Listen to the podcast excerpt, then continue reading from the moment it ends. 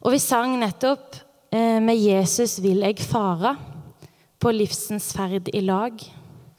Gud, lat den samferd vara, alt til min døyan dag.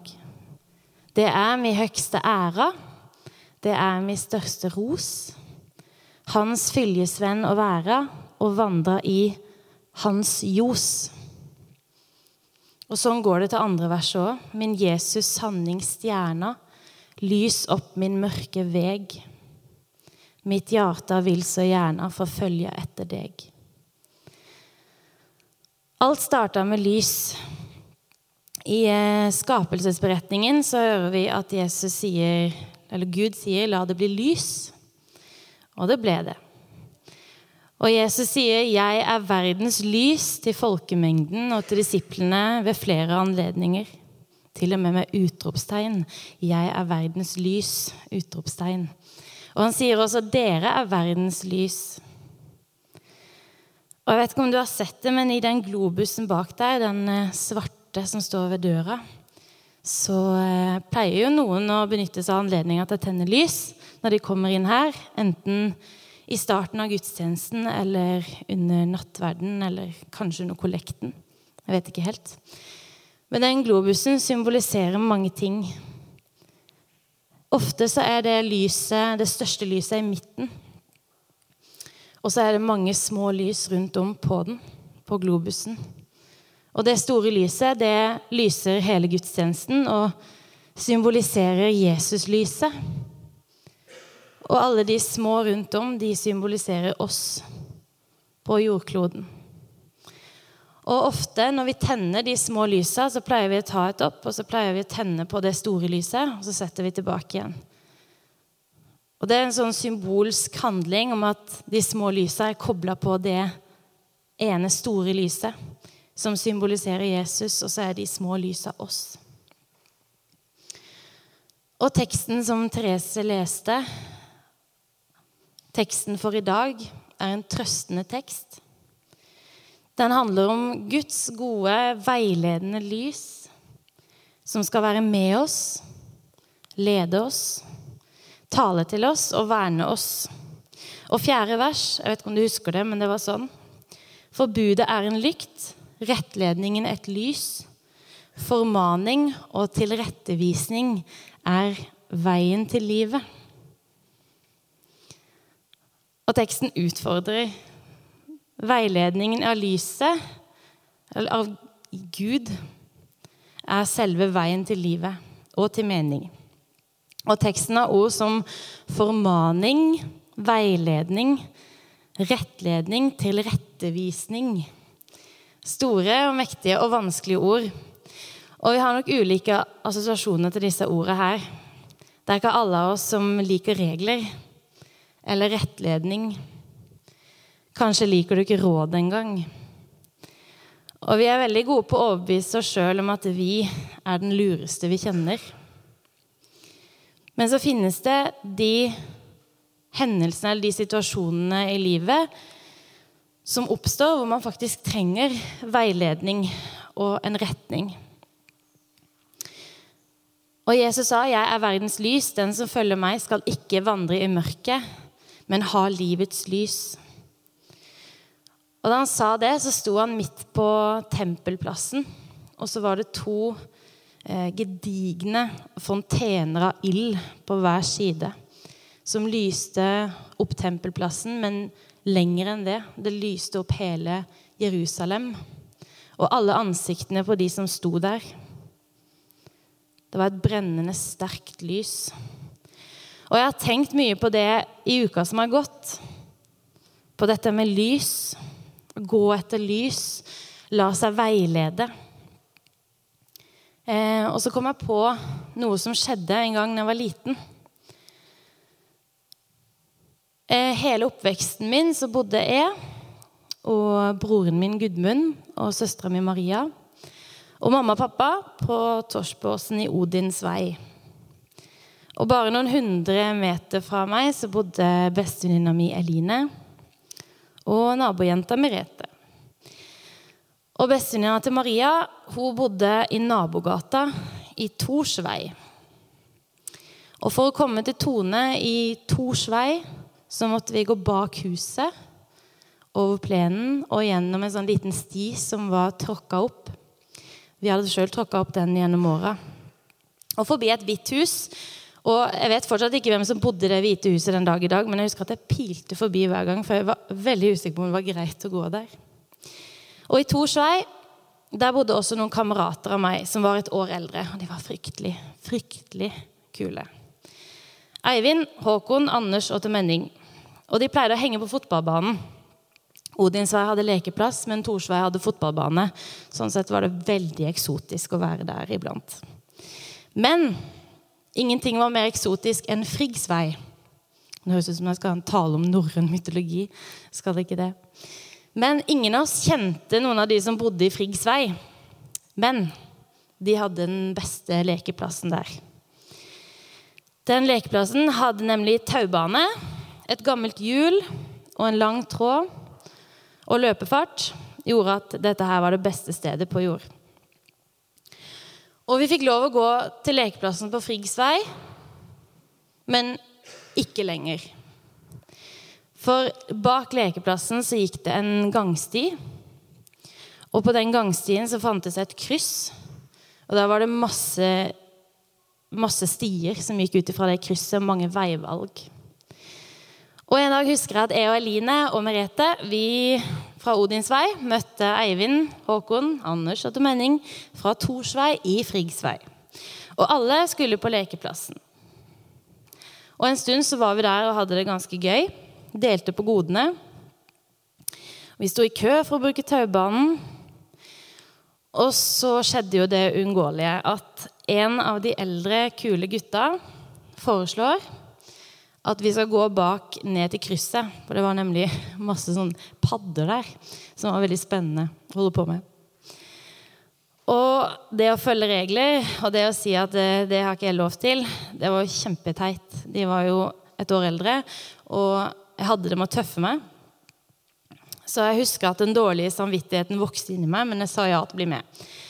Og jeg visste at det ikke var innafor. Det var begynt å bli litt mørkt, og det eneste stedet som var lyst opp, det var lekeplassen. Og vi var der nede en stund for å leke med paddene. Før noen selvfølgelig igjen foreslo å gå og utforske de der mørke veiene, de stiene som gikk ut ifra det krysset. Og jeg var veldig rask til å foreslå hvilken vei. For å berge situasjonen så godt som mulig så pekte jeg på den veien jeg trodde kanskje at jeg hadde gått ned før. Sånn at jeg kanskje kunne slå to fluer i en smekk. Kanskje at jeg ikke ville tape ansikt. Og samtidig kanskje kunne finne veien tilbake, og at det ville ordne seg. At ikke foreldrene mine kom til å finne ut av det. Og guttene de hadde allerede forsvunnet ned den veien jeg pekte på, da vi jentene fikk summa oss. Og jeg husker at jeg var veldig redd når jeg kjente at lyset fra lekeplassen begynte å forsvinne. Og vi gikk og gikk og gikk, og jeg husker ikke så mye annet enn at vi prøvde å ta igjen disse gutta. da. Og så forvilla vi oss bare mer og mer inn i stier og plasser vi ikke hadde vært før. Og På et tidspunkt så var det så mørkt at vi kunne se stjernene, og man kunne høre alle lyder. Og jeg tror det var da vi begynte å bli ganske redde. Vi begynte å krangle om hvilken vei vi skulle gå, og jeg tror Merete gikk fra oss, hvis jeg husker riktig. Og vi ble ordentlig fortvila. Jeg visste hva som venta meg. Jeg visste at jeg skulle få tilsnakk. Og det var liksom tilsnakk og mørke.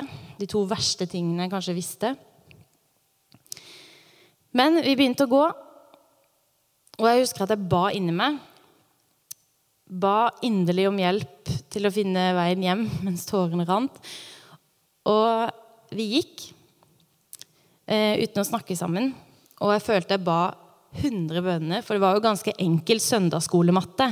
Hvis du hadde gått deg vill, så kunne du be, og så ville du få hjelp til å finne veien hjem igjen. Og etter en stund med gåing så måtte vi velge sti etter sti, og jeg husker at vi begynte å kjenne oss igjen. Og jeg kan love dere at når lyset fra lekeplassen dukka opp, som jeg aldri hadde trodd jeg skulle se igjen, så husker jeg at jeg lova Jesus å aldri be om noe mer igjen. Gjør trykk tilbake, og aldri skulle jeg gjøre noen ting som jeg ikke fikk lov til igjen. Og jeg fant vel ut at mamma og pappa hadde et ganske godt poeng når de satt den regelen om at det var til lekeplassen, men ikke lenger vi skulle gå. Og jeg kan jo avsløre at det var ikke første eller siste gang jeg brøt reglene. Men det jeg fikk erfare som barn, det erfarer jeg ofte som voksen. At jeg i overført betydning går meg vill, og at det blir ganske mørkt. Og at jeg stadig utfordrer sånne gode rammer som er satt for meg, for at jeg skal ha det bra. Og sånn tror jeg det er for flere av oss. Vi går oss vill i det som frister mest. Selvhevdelse. Et behov for å være vellykka eller være flink. Det å stikke oss ut eller et behov for å være interessant. Et behov for å ikke gå glipp av noe. Det som frister mest, dit vil vi. Og det som frister mest, det er ikke alltid best. Og er vi blinde på det, så havner vi der jeg havna i historien. På ville veier, langt fra lyset, på lekeplassen. Men det skjer oss gang på gang og er helt menneskelig. De gode rammene var satt av foreldrene mine, og sånn er det med Jesus òg, tror jeg. Jesus gir oss retning, og den retningen er god. Og noe av den veiledningen eller retningen som Jesus gir, den liker vi ikke. Og noe liker vi. Nestekjærlighet, eller den gylne regel, er ganske lett å svelge. Men den konfronterende Jesus, som gjennom Bibelen utfordrer til å gi alt man eier, til de fattige, det blir for radikalt. Og det finnes hundrevis av ja, vi kan kalle det små blinkende lys der ute. Et ønske om å være vellykka, penger, nytelse blinker, selvhevdelse blinker. Og disse lysa blinker til tider ganske sterkt. Og sånne kortsiktige gleder gjør at man til slutt går seg litt vill. Og det handler jo ikke om å aldri unne seg ting. Men ingenting av dette her varer evig. Og ingenting av det lover evig liv. Ingenting av det gir ukrenkelig verdi. Og ingenting av det lover å gi en sånn retning som Jesus kan gi. Rammene for et godt liv det finnes i det lyset som Gud gir. For lyset fra Gud, det er annerledes. Det avslører usunne tanker vi har om oss sjøl, og forteller oss at vi er gode nok. Det lover mening, et sted å gå, verdi og en kjærlighet som er annerledes og det utfordrer oss. I lyset fra Gud så kreves det at vi gransker oss sjøl til å tenke fellesskap, og ikke bare på oss sjøl. Til å se de rundt oss,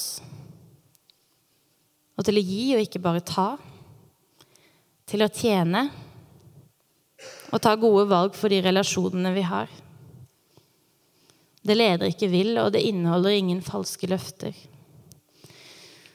Og vi gjør stadig feil og havner på mørke steder. Vi trenger et sånn lys. Og nå er vi i kirka på ukas siste dag. Ta med dette inn i en ny uke. At som globusen bak så er vi kobla på Jesu lys. Et lys som er annerledes, og et lys som vi trenger. Amen.